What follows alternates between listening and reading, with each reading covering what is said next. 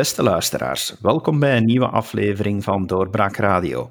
Ik ben uw gastheer David Geens en mijn gast vandaag is Bob van Dijk. Hij is medewerker bij het bedrijf Mindspeller en is gespecialiseerd in, en let nu even op, er komt een moeilijke term aan, brain-to-computer interfaces. En daar gaan we natuurlijk dieper op in en dat u even uitleggen wat het allemaal inhoudt. Meneer Van Dijk, hartelijk welkom in onze podcast. Dank u wel. Wel, meneer Van Dijk, misschien moet ik beginnen met de vraag te stellen en uh, u toe te laten om het voor onze luisteraars uit te leggen. Brain-to-computer interfaces, BCI's, uh, zoals, het, uh, zoals computernerds nogal graag afkorten. Wat moeten we ons daar nu eigenlijk bij voorstellen? Dus brain-computer interfaces zijn technologie die opnames doen van elektromagnetische signalen die uitgezonden worden door de hersenen. En die opnames worden geïnterpreteerd. Dus er wordt um, gezocht naar um, wat uw hersenen op dat moment proberen te doen. Is dat uh, uw hand bewegen of bijvoorbeeld wat u ziet? Want alle informatie die binnenkomt en eigenlijk ook het, de hele controle over uw lichaam, dat wordt bepaald door uw hersenen. En dus die hersenen die um, zenden elektromagnetische straling uit en die wordt dan opgenomen uh, de analogie is eigenlijk microfoontjes die op je hoofd worden geplaatst en die op verschillende plaatsen opnames maken. En die opnames worden vervolgens gedecodeerd, zoals dat heet, um, met bijvoorbeeld het doel om um, te achterhalen of u al dan niet aan een auto denkt of uh, dat soort zaken. Dus ik moet het mij voorstellen als iemand die uh, een hoofd volgeplakt krijgt met sensoren en op die manier dat dan uh, een verbonden computer gaat proberen te achterhalen wat we denken. Grof genomen ja. In, het is vaak zo dat een probleem heel specifiek gesteld moet worden om die informatie effectief uit een hersensignaal te kunnen halen. Dus um, een van de meest gebruikelijke applicaties voor in, de medische wereld is eigenlijk het selecteren van targets op een scherm van een PC. Dus er zijn bijvoorbeeld negen targets en daarvan die liggen om de beurt op. En op basis van uw hersensignalen kan de computer achterhalen naar welk target u kijkt. Dus het moment dat dat target oplicht, um, en omdat u aandachtig bent en naar die target kijkt, um, reageren uw hersenen op een bepaalde manier. En dat soort patronen wordt eruit gehaald en herkend. Is het dan op die manier mogelijk om een interface te bouwen die pakweg iemand die verlamd is vanaf de, vanaf de hals de mogelijkheid te geven om toch te gaan letters intypen door, door gewoon aan die letters te denken of door een cursor op een scherm te gaan bewegen? Ja, dat is mogelijk. Dus dat is uh, veel van de inspanningen worden geleverd om dat soort dingen mogelijk te maken. Om patiënten die uh, een neurologische aandoening hebben, of um, bijvoorbeeld een, een um, beschadigde ruggenwervel hebben of zoiets, um, die ze gaan bijstaan en ervoor zorgen dat eigenlijk de functionaliteit, de oorspronkelijke functionaliteit hersteld kan worden of overbrugd kan worden. -hmm. En is het dan ook mogelijk om met zulke interface iemand die verlamd is de mogelijkheid te gaan geven om een, ja, een robot te gaan bedienen? In die zin een robot die hem of haar dan zou helpen om terug te kunnen stappen? Dat is allemaal mogelijk, maar het is natuurlijk niet zo gemakkelijk als het. Uh, we kunnen het gemakkelijk zeggen, maar het is niet zo gemakkelijk om te realiseren. Dus uh, het bedienen van de benen wordt. Uh, eigenlijk de, de hersenen zijn opgedeeld in verschillende functionele gebieden. En bijvoorbeeld de motorcortex, een bepaald deel van de hersenen, is waar u um, een bepaald gebied heeft dat uw benen aanstuurt. En dus door elektroden te gaan plaatsen in dat gebied, kan um, de bedoelde beweging uitgelezen worden en herkend worden. En vervolgens kan, die, kan het ook doorgestuurd worden, zeg maar, um, naar zenuwen verder in uw lichaam. Wilt u uw eigen um, benen gebruiken of naar een machine. Of, uh, dus. Maar we staan echt nog niet aan het feit van dat je met, uh, met uh, een paar elektroden effectief kunt gaan gedachten lezen. Dat is nog science fiction op dit moment. Zeker en vast. Um, dat is iets, een topic waar wij op dit moment zeer sterk in geloven dat dat de toekomst is. Ehm, niet per se om gedachten te lezen, maar eerder om um, ja, gedachten lezen klinkt zeer invasief en klinkt alsof dat u niet, geen controle zou hebben, maar het is dus werkelijk, u denkt aan een zin en de computer kan raden aan welke zin u denkt. Dat soort gedachten lezen. En dat is iets wat op dit moment uh, sterk onderzocht wordt, omdat het het leven van patiënten uh, met bijvoorbeeld de locked-in syndroom, die letterlijk geen spier kunnen bewegen, uh, ontzettend zou verbeteren. En zijn daar de laatste jaren vooruitgang in geboekt of grote sprongen genomen? Ja, er, zijn, vooruitgang, er is vooruitgang in. Ehm, ik heb onlangs opgezocht hoeveel ehm, papers in Nature Magazine uh, met spraak en het decoden van de brain, um, als, die dat als onderwerp hebben. En je ziet dat het op dit moment zit, zit wel, ja, zeer erg hoog uh, tegenover tien jaar geleden. En dat komt eigenlijk door de revolutie in, in computationele methodes, dus artificial intelligence, indien u bekend bent met de term. Um, dus eigenlijk kunstmatige intelligentie. En de mogelijkheid om onze signalen die altijd al opgenomen konden worden, eigenlijk op een nieuwe manier te gaan verwerken en te gaan kijken van, is er geen indicatie voor uh, bijvoorbeeld fonemen? Uh, en fonemen zijn eigenlijk de kleinste units van uh, spraak. Dus wanneer u spreekt, spreekt u in, met, met letters S, P, K. En dat soort klanken worden ook fonemen genoemd. En dus er zijn de voorbije twee, drie jaar heel interessante papers uitgekomen die eigenlijk toelaten om fonemen te klassificeren, op basis van uh, opgenomen hersensignalen. En dat is op zich zeer bemoedigend voor um, uiteindelijk te kunnen gaan naar het vertalen van een gedachte naar een zin, zeg maar. Met andere woorden, aan een woord denken, of denken dat we het zouden spreken. En neem nu het voorbeeld dat u al gaf van iemand met het locked-in-syndroom. En van als die zou denken dat hij het uitspreekt, zou een computer op een gegeven moment, eh, misschien nu nog niet, maar, maar wel binnen x aantal tijd in staat moeten zijn om dat woord dan ook effectief in de plaats van de patiënt te kunnen uitspreken. Inderdaad. Het zij via uh, het omzetten naar tekst of effectief um, ook een stem zeg maar, geven aan die persoon. En ik denk dat dat een van de meest interessante pistes is ook, um, waar we ook zouden kunnen emotionele inhoud mee kunnen geven. Dus dat het niet droge tekst wordt, maar dat het eigenlijk uh, echt een, een manier van expressie wordt. En ja, u werkt nu bij Mindspeller, dat is een spin-off van de KU Leuven. Uh, u uh, hebt al uh, heel wat ervaring in, in dit vakgebied. wat doet zulke spin-off dan eigenlijk met deze technologie? Wel, wat wij doen is gebaseerd, is eigenlijk ehm, marketing. Dus het is niet zo nobel als ehm, het helpen van patiënten met het locked-in syndroom. Maar waar wij naartoe werken is om eigenlijk ook die medische kant uh, meer op te gaan. Omdat we zien dat uh, daar heel veel potentieel is. Maar dus wat wij op dit moment doen, is eigenlijk marketeers ondersteunen. En in het ontwikkelen van campagnes door um, op basis van uh, hersensignalen of op basis van zeg maar, wetenschappelijk gevalideerde methodes te achterhalen waar u aan denkt wanneer u het logo van Fanta ziet, bijvoorbeeld. En welke associaties wenselijk zijn en welke misschien onwenselijk zijn. En hoe een merk een bepaalde associatie kan opbouwen. Bijvoorbeeld, uh, u gaat naar het strand, dus u wilt Fanta. Uh, dat soort zaken. Dan gaat het er eigenlijk om om, het, uh, om de onderbewuste reacties van de consument te kunnen peilen. Inderdaad. En dus ook die onderbewuste associaties te kunnen vormgeven. Door, um, stel dat uh, Fanta de associatie strand wilt, is een heel directe manier um, reclamespots maken met stranden in. Maar er is misschien een manier om dat subtieler te doen.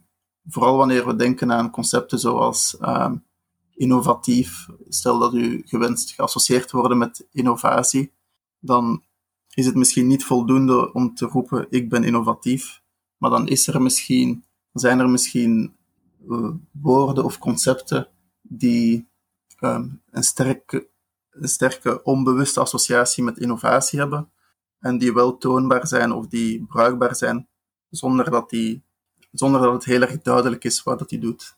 Maar kan je niet hetzelfde bereiken door dat gewoon te vragen aan, uh, aan potentiële consumenten? Kan je geen klassieke vragenlijsten doen om dat te weten te komen? Uh, klassieke vragendelen zijn ook een onderdeel van uh, de informatie die wij verzamelen. Maar het is zo dat wij op basis van die informatie en op basis van eigenlijk de kennis in de neurowetenschap een netwerk samenstellen van welke associaties er in uw hersenen gebeuren. En op basis van dat netwerk uh, berekenen wij bijvoorbeeld een bepaalde maat van sterkte, tussen, van, uh, sterkte van associatie tussen twee woorden. En op die manier gaat u dan uw cliënten adviseren en aan een veel fijner beeld gaan geven over waarmee zij vereenzelvigd worden dan waar ze misschien ooit zelf op gekomen zijn. Ja, inderdaad. Of inspiratie bieden om een, uh, een campagne te maken.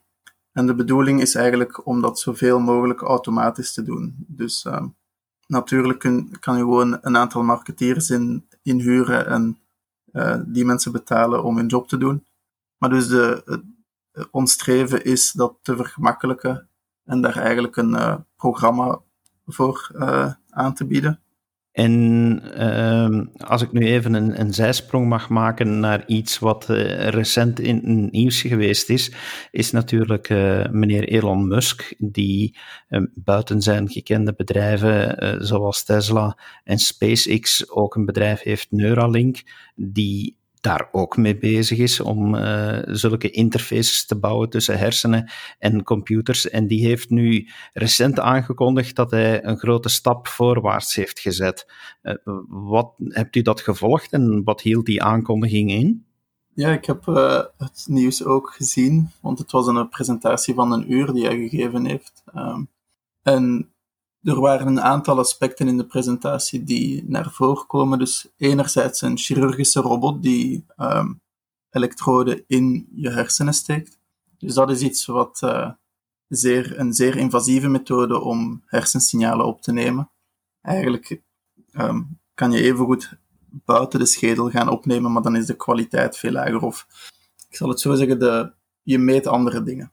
Dus hij wil effectief in de schedel gaan elektrische uh, elektrische ladingen gaan meten. Dus één aspect is die chirurgische robot. Een ander aspect is dat het een zeer compact implantaat zou zijn met flexibele draadjes die um, zeer compatibel zijn met de hersenen. En dat is op zich, um, vanuit een ingenieurstandpunt, um, zijn die twee aspecten zeer innovatief en ook een mooie uh, vooruitgang van het veld. Maar dan komen de, de claims van wat er allemaal mee gedaan kan worden. En uh, dat is iets minder geloofwaardig. Ah, ik ben ook vergeten te vermelden de, de varkens. Dus er komen ook uh, varkentjes met implantaten aan bod in de presentatie.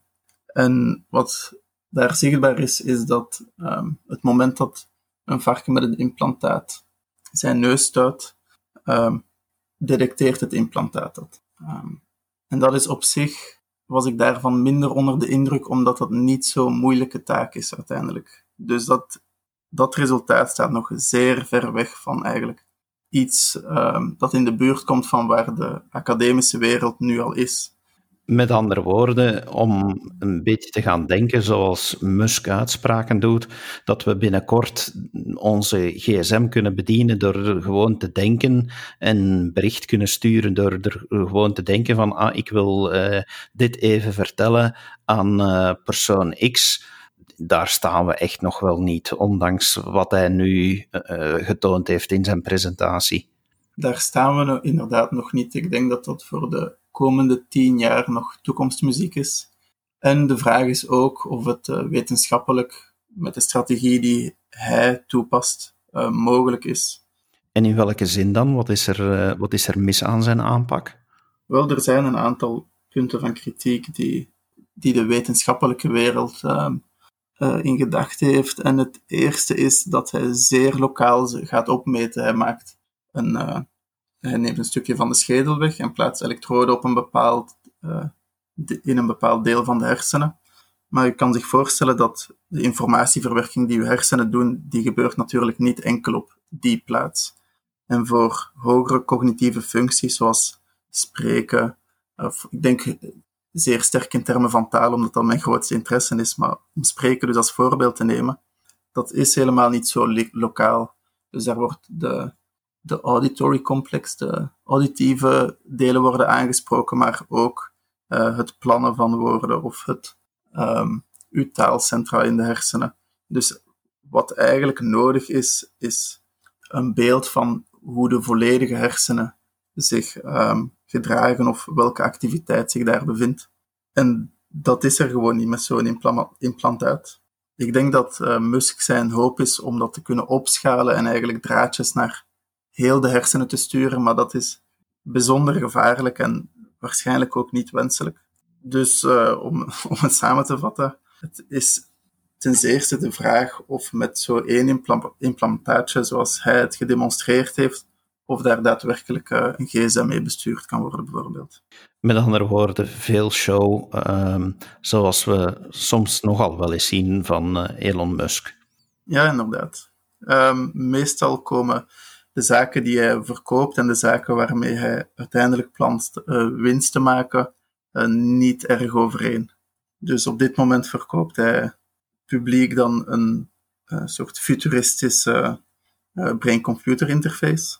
Maar er zijn klinisch gezien wel toepassingen voor wat hij ontwikkelt. Dus ik denk dat hij zijn geld uiteindelijk wel zal verdienen. Maar meestal wordt er een zeer futuristisch doel voor opgesteld, zoals uh, ik wil binnen tien jaar op Mars staan of uh, dat soort zaken. Ja. Staat ons land ver voorop in dat onderzoek? U heeft uiteraard contacten met de academische wereld. U komt uit de academische wereld. Van, zijn wij daar koplopers in in ons land? we zijn alleszins um, redelijk goed. dat kan ik uh, wel vertellen. Um, bijvoorbeeld de UGent heeft, um, doet zeer interessante neurofysiologie en eigenlijk uh, neurochirurgie. Dus het, het implanten van implantaten. de KU Leuven zelf heeft zeer waardevolle papers over spellingsparadigma's. Dus eigenlijk het proberen te achterhalen van waar u naar kijkt op een scherm. En meestal is dat dan tekst, is dat dan om een, eh, een woord te kunnen spellen. En recent ook over de relatie tussen opgenomen signalen op verschillende niveaus. En dat is bijvoorbeeld uh, elektroden die op de hersenen liggen, elektroden die uh, op de. Dus er zijn eigenlijk drie niveaus van uh, opnames doen. Het ene is van buitenaf, op de schedel, dat is EEG dan kun je de schedel openmaken en eigenlijk elektroden op de hersenen leggen zonder de hersenen te gaan doorprikken. En dat heet ECOG. En het volgende is waar Elon Musk zich bevindt, is eigenlijk elektroden te gaan um, in de hersenen te gaan steken. Dat is dus het meest invasieve dat je kan gaan. En wat we nu ontdekken is dat um, er een bepaalde relatie is. Natuurlijk, de bron van het signaal is hetzelfde, dus er zou een bepaalde relatie moeten zijn. En we proberen eigenlijk te werken naar een soort van model dat kan beschrijven hoe die met elkaar verbonden zijn, die verschillende lagen. En dus uh, daarin zijn wij koploper. Maar uh, het is moeilijk om zicht te krijgen op wat voor informatie Neuralink bijvoorbeeld uh, verzamelt. In de US zijn er vele startups die aan brain-computer interfaces werken en die niet hun, hun eigen resultaten delen. Dus academisch gezien staan we aan de top, maar het is moeilijk om in te schatten uh, waar, waar de state of the art zich bevindt. Maar u kan wel zeggen van hou zeker onze sector in de gaten, eh, of zeker dan ook op zijn minst de academische wereld die daar nog onderzoek naar doet, want de komende tien jaar gaan we nog mooie dingen zien en gaan we eh, wel eens kunnen zeggen van kijk eens wat we hier gebouwd hebben. Ja, absoluut. En ik denk ook voor um, Europees kapitaal dat het een zeer interessante markt is om in te investeren.